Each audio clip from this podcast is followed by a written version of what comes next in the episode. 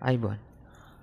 අද දෙදස් විසේකේ සැප්තැම්බර් මාසය හයවෙනිද මම අද කල්පනා කරේ ටිකක් වෙනස් විදිහේ කතා බහක යෙදෙන්න. නමුත් අපි ආරම්භයක් විදිහට අද ඇෆ්ගනිස්ථානයෙන් ආපු නිවස් එක කියල හිටිය නැත්තං එක පාඩුවක් වෙන මොකද හේතුව මේ අපි පහුගි දවසල ඇෆ්ගනිස්ථානය පිළිබඳව සාකච්ඡා කරපු නිසා සහ සාකච්ඡා කරන්න තවදුරටත් බලාපොරොත්තුවෙන් ඉන්න නිසා. ඉතින් ඇෆ්ගනිස්ථානය සම්බන්ධෙන් අදාපු නිවස් එක තමයි පංශීර් නිම්නය තලබන් සංවිධානය විසින් අල්ලාගත්තු බව තලබන් සංවිධානය ප්‍රකාශ කර.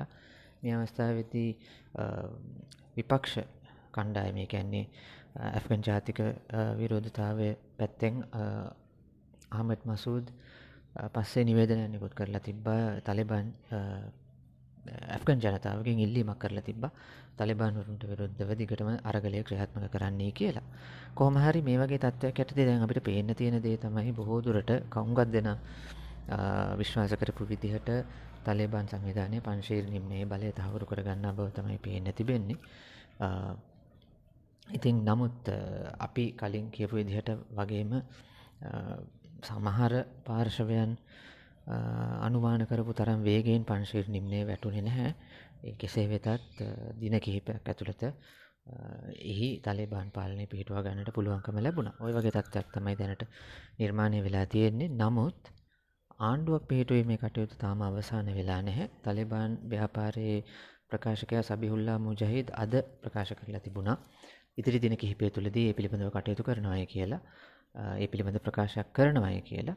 ඉතින් තලිබාන් ව්‍යාපාරයට මෙච්චර දවසක් කාණ්ඩුවක් පිහිටුවා ගන්න බැරිවෙන්ඩ හේතු වනේ මංහිතන්නේ අපි කල්ලින් කතා කරපු කාරණා සමග. එකන අපි කලින් මේ ගැන යම් ප්‍රමාණයක් කතා කරලා තියෙන මොකද ඇෆ්ගනිස්ථානයේ පශ්තුූන්වරු හෙමනැත්තම් පතාන්වරු ඉන්න සට පණහකට කිට්ටු ප්‍රමාණයක්. ඉතුරු අය වෙනත් කණ්ඩායම්. එතකොට ඒ කණ්ඩායම් වල අවනත භාවය නැතුවත ඇෆගනිස්ථානය පාලනය කරන කෙනෙක ටිකක් අමාරුයි. ඊට අමතරව අපි තවදුර තවත් කතා භ කලා මීට කලින් ඇෆ්ගන් ජනතාවගේ ස්වභාවය තකොට පතාන්වරු පව විධාකාර ගෝත්‍ර සිටින එක. ඒවගේ කාරණ. ඒවගේම තලේබාන් ව්‍යාපාරය ගත්තත් එහි ඇත් අභ්‍යන්තරයේ ඉන්නවා හක්කානි ජාලය. ඔවු නැතරම තලිබාන් ව්‍යාපාරය සමඟ සම්බන්ධ වෙලා හිටියට වෙනම ඒකයක් විදිහටයි ක්‍රියාත්මක වෙන් ඒතකොට ඒ අරු නම තවත් විධ කණ්ඩායම් තලිබාන් ව්‍යාපාර තුළ ඉන්නවා. ඇත්තම කිව්වොත් මං දැන් ඊළඟට කතා කරන්න යන කාරණයටත් මේ අදාලයි තලේබාන් ව්‍යාපාරය ගැන පවා අපිට තියෙන්නේ බොහොම අඩු දැනුමක්. අපි ඒ ගැන ඉස්සරහට කතා කරගෙනයක්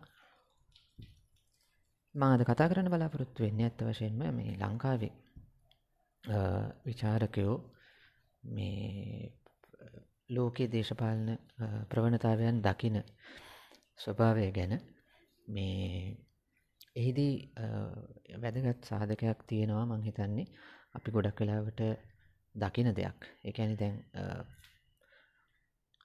විචාරකයෝ විධාකාරය ඉන්නවා. අපි දකිනවා ඇකඩමික්ස්ලා ඉන්නවා. ඊළඟට මාධ්‍යවල විචාරකය ඉන්නවා. අවුරුදු ගානත් තිස්සේ තමන්ගේ රස්සාාව විදිහටම ඇත්තටම ඔවුන් කරන්නේ.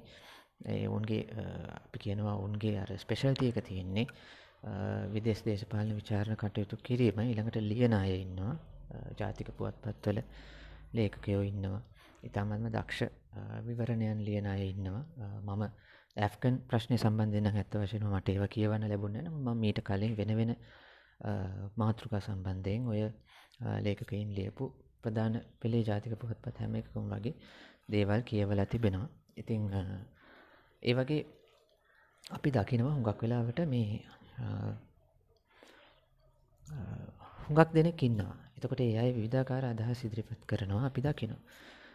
දැන් පහුගේ දවසල ඇෆ්ගනිස්ථානය සම්බන්ධයෙන් ඉදිරිපත් කරපු අදහස් කිහිපයක් මම අහගෙන හිටිය. සම්පූර්ණයෙන් අහගෙන හිටියේ නැතත් මම යම් ප්‍රමාණයකින් අහගෙන හිටිය. සම්පූර්ණයෙන් අහගෙන හිටියෙන් නැත්ත ඇත්තර මට ඒ සඳහාම කියල විශේෂ වෙලාවක් නොතිබුණු නිසා. නමුත් මං එහිදී දැකපු එක කාරණයක් තමයි ගොඩක් වෙලාවට මේගොල්ලෝ බටහිර රටවල් වලට ටිකක් විරුද්ධ අස්ථානයක තමයි ඉන්නේ. දැ ඇෆ්ගනිස්ථානය සම්බන්ධෙන් කාරණයේදී ම වුණත් ඇමරිකාව හොම තදිම විවේචනය කරව ඔගොලන්ට සමරට මතක ඇති. මගේ කලින් පොඩ්කාස්ට් එක ඉවර කරපු විදිිය අහල බලන්නේ එක ඇහුවේ නැත්තං ඉතිං ඇෆ්ගනිස්ථානය සම්බන්ධ කාරණයේදී ඒ ගැන කිසිම විවාදයක් ඇතරම මටත් නැහැ. නම මෙතන මන් දකිනවා පොඩි ප්‍රශ්නයක්. සමහර මේ විචාරකයෝ තලේබාන් සංවිධානයට පක්ෂපාති විදිහට කතා කරන වගේ තමයි ඔවුන්ගේ රාවයෙන් ඔවුන් කතා කරන විදිහෙන් ඇඟ වෙන්නේ. නිකන් තලේබාන් එකේ ප්‍රොපගැන්ඩා එකක් වගේ තමයි මට වැටහුනේ ඔය එක වැඩසටහනක් ඇත්ත වශයෙන්ම මම ඒ ගැන ඇත්තටම ෆේස්බුක් එකෙත් ලිව්වා.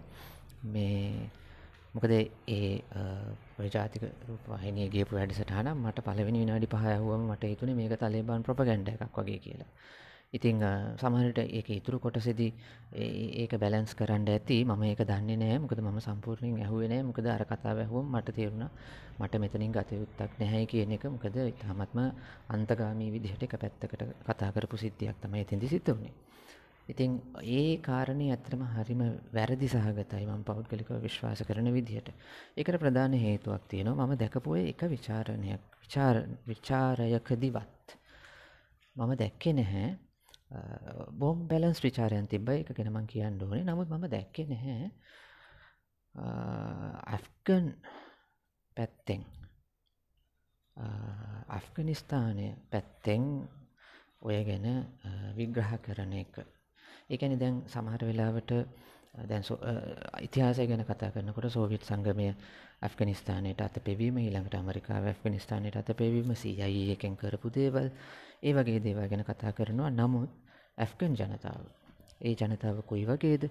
ඒ ගොල්ලන්ගේ ජනවාර්ගයන් මොනවද? එතකොට ඒ ගෝත්‍රයන් ඒ අය අතර තියෙන අන්තර් සම්බන්ධතා එතකොට කොහොමද ඇෆ්ගනිස්ථානය කියන රාජ්‍ය මේ අවුරුදු දෙසීයක් විතර තිස්සේ පැවතුනානම් පැවතුනේ අහමද ශාබ්දාලිගෙන් පටන් ගත්තම අද වෙනකං ඇෆ්ගනිස්ථානය කියල රාජ්‍යයක් තියෙනවා. තමයි ඒ රාජ්‍ය කොහොමද තිබ්බේ කියන කාරණ ඊළඟට ඇෆ්ගනිස්ථානය ස්වාධීනතාවය පිළිබඳ යම් යම් ව්‍යාකූලතාත් තියෙනවා. මොකද ඇෆ්ගනිස්ථානය ස්වාධීන රාජ්‍යයක් වුණා කියලා එක්දසට අමසය දහනමේදී හෝ යාසන්න අවස්ථාවකදී ප්‍රකාශ කරන නමුත් ඇත්වශම ඇෆ්ගනිස්ථානය ඊට කලිනුත් එකන ප්‍රතාානයන් පිළිගත්තේ නැති වුණට ඇෆ්ගනිස්ථානය සම්පූර්ණ ප්‍රතාානයටත් විචතයක් විදිර නෙමෙයි තිබුණේ.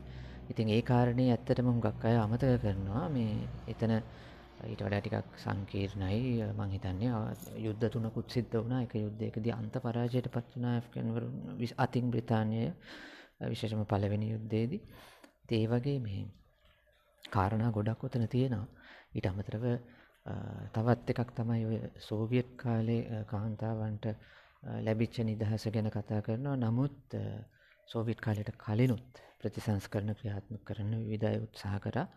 ඒ වගේ මොය මුහුණ වහගෙන ඉන්න එක වගේ දේවල් ගැන කතා කරෝතින් එහෙම ඒවා අතීතයේදී ඒ ප්‍රදේශවල සාමාන්‍ය දේවල් ඔය සම්පූර්ණය ඇඟ වහන ඒවා ආවේ ඉතා මෑත කාලයකදී අන්තවාදී ඉස්ලාමීය සංවිධානවල පැමිණීමෙන්. එහෙම නැතුව අතීතයේදී කියන්නේ සෝවියට් දේශය එන්න කලින් හෝ එහෙම නැත්නම් විසිවෙනි සියවසට කලින් හෝ ඔය රටවල්ල මිනිස්සු මේ කාන්තාවෝ සම්පූර්ණයම ඇඟවාගෙන හිටිය කියලා එහෙම කැනෙ එහෙම එකක් නැහැ. අර ඒ ඒ රටවල් වල තිබිච්ච ඇඳුම් මෝස්තර ඇඳුම් විලාසිතා වල හැටියට ඉතින් සාමාන්‍යයෙන් ශරීරයේ වැඩි ප්‍රමාණයක් වහගෙන ඉන්න ඇඳුම් මෝස්තර තමයි ඉතින් තිබෙන්නේ. නමුත් මූුණ වහගෙන ඉන්න ක්‍රමයක් එහෙම තිබිල නෑ ඒ බව පල්ලවෙනියෙන්ම ඇෆ්ගනිස්ථානයට ගියපු බ්‍රතාන්‍ය එකැන ඉංග්‍රීසි වෙළඳ සමාගම ඇත්ත වශයෙන්ම පෙරදිකින් ඉන්දයා වෙළඳ සමාගමේ මේ නියෝජිත කණ්ඩායම පලවෙනි මැෆ්ගනිස්ථානයට ගියපු දූත කණ්ඩායමේ හිටපු ෆ්‍රේසර්කෙන් නිලධාරය බොහොම පැහැදිලි වලියලා තියෙනවා. එතට ඒක හින්ද මේ මේ අපේ විචාර කරන හුඟක් දෙනා මංහිතන්නේ මම දැකපු දෙයක් තමයි ඒගොල්ලු බටහිර මාධ්‍යවලට දොස් පවරනවා. බටහිර මාධ්‍ය අරවා කියන්නේ මේවා කියන්නේ කියල දොස් පවරනවා. නමුත් ඒගොල්ලගේ මූලාස්ත්‍ර වෙන්නෙත් බටහිර මාධ්‍යම තමයි. මම දැකපු විදිහට මට තේරිච්ච විදිහට මම දැකපු විවරණයන් එකකවත් මට තේරුණේ නැහැ. එගොල්ලෝ බටහිර මාධ්‍ය සහ ඇරුණම රුසියාව සහ චීනය මාධ්‍ය ඒගොල්ල පාවිච්චි කරනවා වෙන්න ඕනේ. නමුත් ඒ ඇරුණාම ඔය ලෝකෙ තියෙන ප්‍රධාන මාධ්‍ය ජාලා කෙහිපය. ඇරුනම එතනින් එහාට දෙයක් ඒගොල්ලෝ පරිශීලනය කරනවා කියවනවා කියන වගේ තේරුමක් මටනන් දැනුනේ නැහැ. ඉතිං එතකොට අර ඒවයි තියෙනවා. ඇතරම බටේර මාධ්‍යවලත් පහදිලි කරන්න නැති තැන් තියෙනවා. කන්ටෙක්ස්ට එක තේරුම් ගන්න ටික අමාරුයි. සමහර වෙලාවට මොකද දැන් ඇෆ්ගනිස්තානය ගැන තේරුම් ගන්න නම් අඩුම තරමේ අහමද් ෂා අබ්දාලි ගෙන් පටන් ගන්න බැරි නම් අඩුම තරමේ පළවෙනි බ්‍රිතාන්‍ය ආක්‍රමණයෙන්වත් පටන් ගන්න ඕනේ ඇෆ්ගනිස්තානය ස්ටඩි කරන එක. එහෙම නැතුව දැන් එහෙම කරපු කෙනෙක්ට තමයි මේ කතන්දරේ සම්පූර්ණ කතාව මේ තේරෙන්නේ. සම්පූර්ණ කතාව තේරෙනවා කියන එක වැරදි. මොකද ඇෆ්ගනිස්තානය කියන්නේ ඊටාම කම්ප්ලෙක්ස් රටක්. එතකොට ඒ සම්පූර්ණ කතාව තේරෙනවා කියන එක කියන්න ටිකක් අමාරුයි. ඒ වගේම තමයි අනික් පැත්තට ලෝක බල තුලනය ලෝක බල බල අරගල වගේ කාරණාවලට දේවල් තල්ලු කරාම සමහර වෙලාවට අපි කල්පනා කරනවා මේ හැමදේම තීරණය කරන්නේ CIA එක නැත්තම් ඉස්සර නම් KGB එක දැන් KGB එක නෑ. නමුත් ඒ වගේ අර මේ මේ මේ මේ මේ බලාරගල වලින් තමයි මේ හැම දෙයක්ම තීරණය කරන්න කියලා අපි විශ්ව අපි අපි හිතන්න ගන්නවා. ඒ හිතන්න ගත්තට අපිට එතකොට අමතක වෙනවා මේ රටවල් වල තියෙන ලෝකල් කන්ඩිෂන්ස් ඒ කියන්නේ රටවල් වල තියෙන ස්වදේශීය තත්ත්වයන් ඒ රටවල් වල තියෙන ජනවාර්ගික විවිධත්වය රටවල් තියෙන සමහර රටවල් වල ආගමික විවිධත්වය ඒ වගේ දේවල් කොච්චර මේකට වැදගත් වෙනවද කියන එක අපි අමතක කරනවා. සමහර වෙලාවට අර දැන් අපි දන්නවා දැන් සෝවියට් ආක්‍රමණයට විරුද්ධව ඇමරිකාව CIA සංවිධානය ඇවිල්ලා ඉවර වෙලා මුජාහිදීන් වරුන්ව ෆෝම් කරා තමයි නමුත් ඒකට බලපෑවේ සෝවියට් ආක්‍රමණයට විරුද්ධව ඇෆ්ගනිස්ථානයෙන් තුළින් මතුවෙච්ච විරෝධය. ඇයි ඇෆ්ගනිස්ථානය තුළින් මතුවෙච්ච විරෝධයක් මතුවනේ ඒකට වෙනම හේතු තියෙනවා. ඒක තේරුම් ගන්න ඇෆ්ගන් ජන ජන ජනතාව පිළිබඳ තේරුම් ගන්න ඕනේ. ඒගොල්ලන්ගේ සංයුතිය, ඒගොල්ලන්ගේ ඒ දේවල්, ඒගොල්ලන්ගේ සිතුම් පැතුම්, ඒගොල්ලන්ගේ සමහර විට පුරාවෘත්ත වගේ දේවල් තේරුම් ගන්න ඕනේ. මං කලිනුත් මං හිතන්නේ මම ලියලා තියෙනවා සහ සමහර විට මම කියලත් ඇති පොඩ්කාස්ට් එක මට මතක නෑ පොඩ්කාස්ට් එක කිව්වද කියලා. නමුත් පහුගිය දවස්වල ක්ලබ් හවුස් එකේ මම සහභාගී වුණා ඇෆ්ගනිස්තානය ගැන සෙෂන් හතරකට. ඒ සමහර සෙෂන් වලදී මම මේ කාරණේ කිව්වා. ඇෆ්ගන් ජනතාව තමන්ගේ ඉතිහාසය හොඳට දන්නවා. තමන්ගේ කලාපයේ දේශපාලනයත් ඒගොල්ලන්ට හොඳට වැටහෙනවා. අපිට වඩා හොඳට ඒගොල්ලන්ට වැටහෙනවා මම නම් හිතන විදිහට. එතකොට ඒගොල්ලෝ නූගත් ජාතියක් නෙමෙයි. ඒගොල්ලෝ පසුගාමී ජාතියකුත් නෙවෙයි. ඒගොල්ලෝ මේ වෙනකොට ඉතාම අසරණ තත්වයට පත් වෙලා තියෙන එක වෙනම කතාවක්. ඒක යුද්ධය නිසා වුණේ අධ්‍යාපනය කඩා වැටිලා වගේ දේවල් නිසා අද වෙනකොට මේ මං කියන කාරණා වෙනස් වෙන්න පුළුවන්. නමුත් මීට අවුරුදු 30 40කට කලින් හිටපු ඇෆ්ගන් ජනතාව නූගත් ජනතාවකුත් නෙමෙයි. ඒගොල්ලෝ තමන්ගේ ඉතිහාසය හොඳට දන්නවා. ඉතාමත්ම විශිෂ්ට කලා නිර්මාණ අපි කියන අර අක්ෂර කැලිග්‍රෆී එතකොට කාව්‍යයන් ඒ වගේ දේවල් ලියපු මිනිස්සු. ඉතින් ඒක නිසා මේ අපිට කවදාවත්ම කියන්නට බෑ මේ ඒ මිනිස්සුන්ට මෙහෙම අවබෝධයක් නැහැ. ඒ වගේ දේවල් ඒගොල්ලෝ හොඳට තමන්ගේ ඉතිහාසය දන්නවා. ඒගොල්ලෝට ඉතාමත් නිදහස්කාමී එක එක ගෝත්‍ර ඒගොල්ලෝ කැමති නෑ තමන්ගේ දේවල් වලට ඇඟිලි ගහනවට ඔන්න ඔය වගේ දේවල් ගොඩක් තියෙනවා.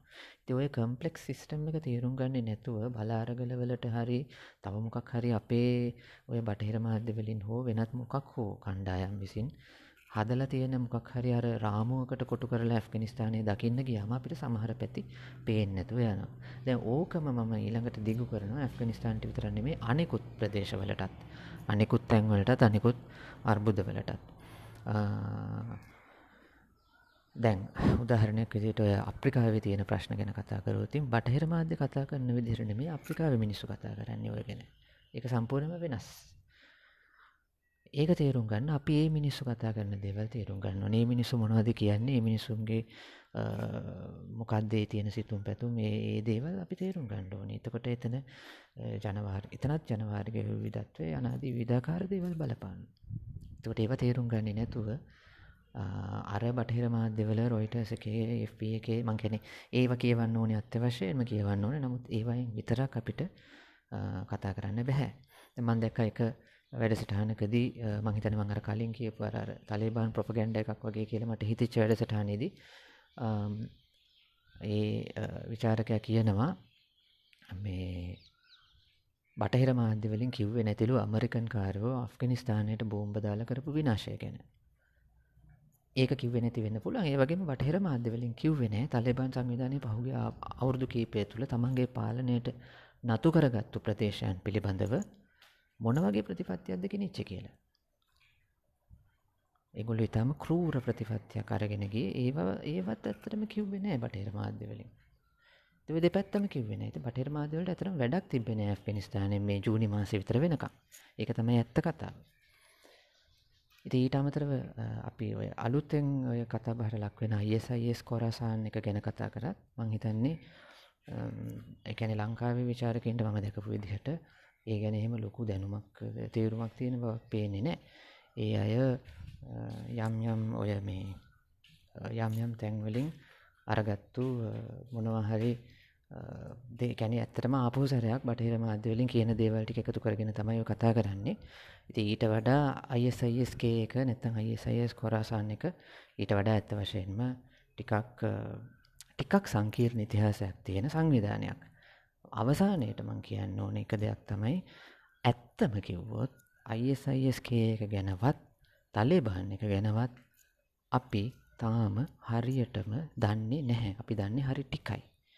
අපිට ඔය පේන ටික විතරයි අපි දන්නේ. ඕවා ඇතුලේ සංවිධානය කියන්නේ එක්තරා විදිහක සංවිධානයක් තියෙන බව පේනවා. එක්තරා විදිහක ක්‍රමවත් භාවයක් තියෙන බව පේනවා තලිබන් සංවිධානය විශේෂයෙන්ම. නමුත් අපි දන්නේ ඒවයේ ස්ට්‍රක්චර්ස් මොනවද? ඒවයේ නායකයෝ ග්‍රවුන්ඩ් ලෙවල් එකට ගියාම, ඒ කියන්නේ බිම් මට්ටමට ගියාම ඒවයේ නායකයෝ කවුද?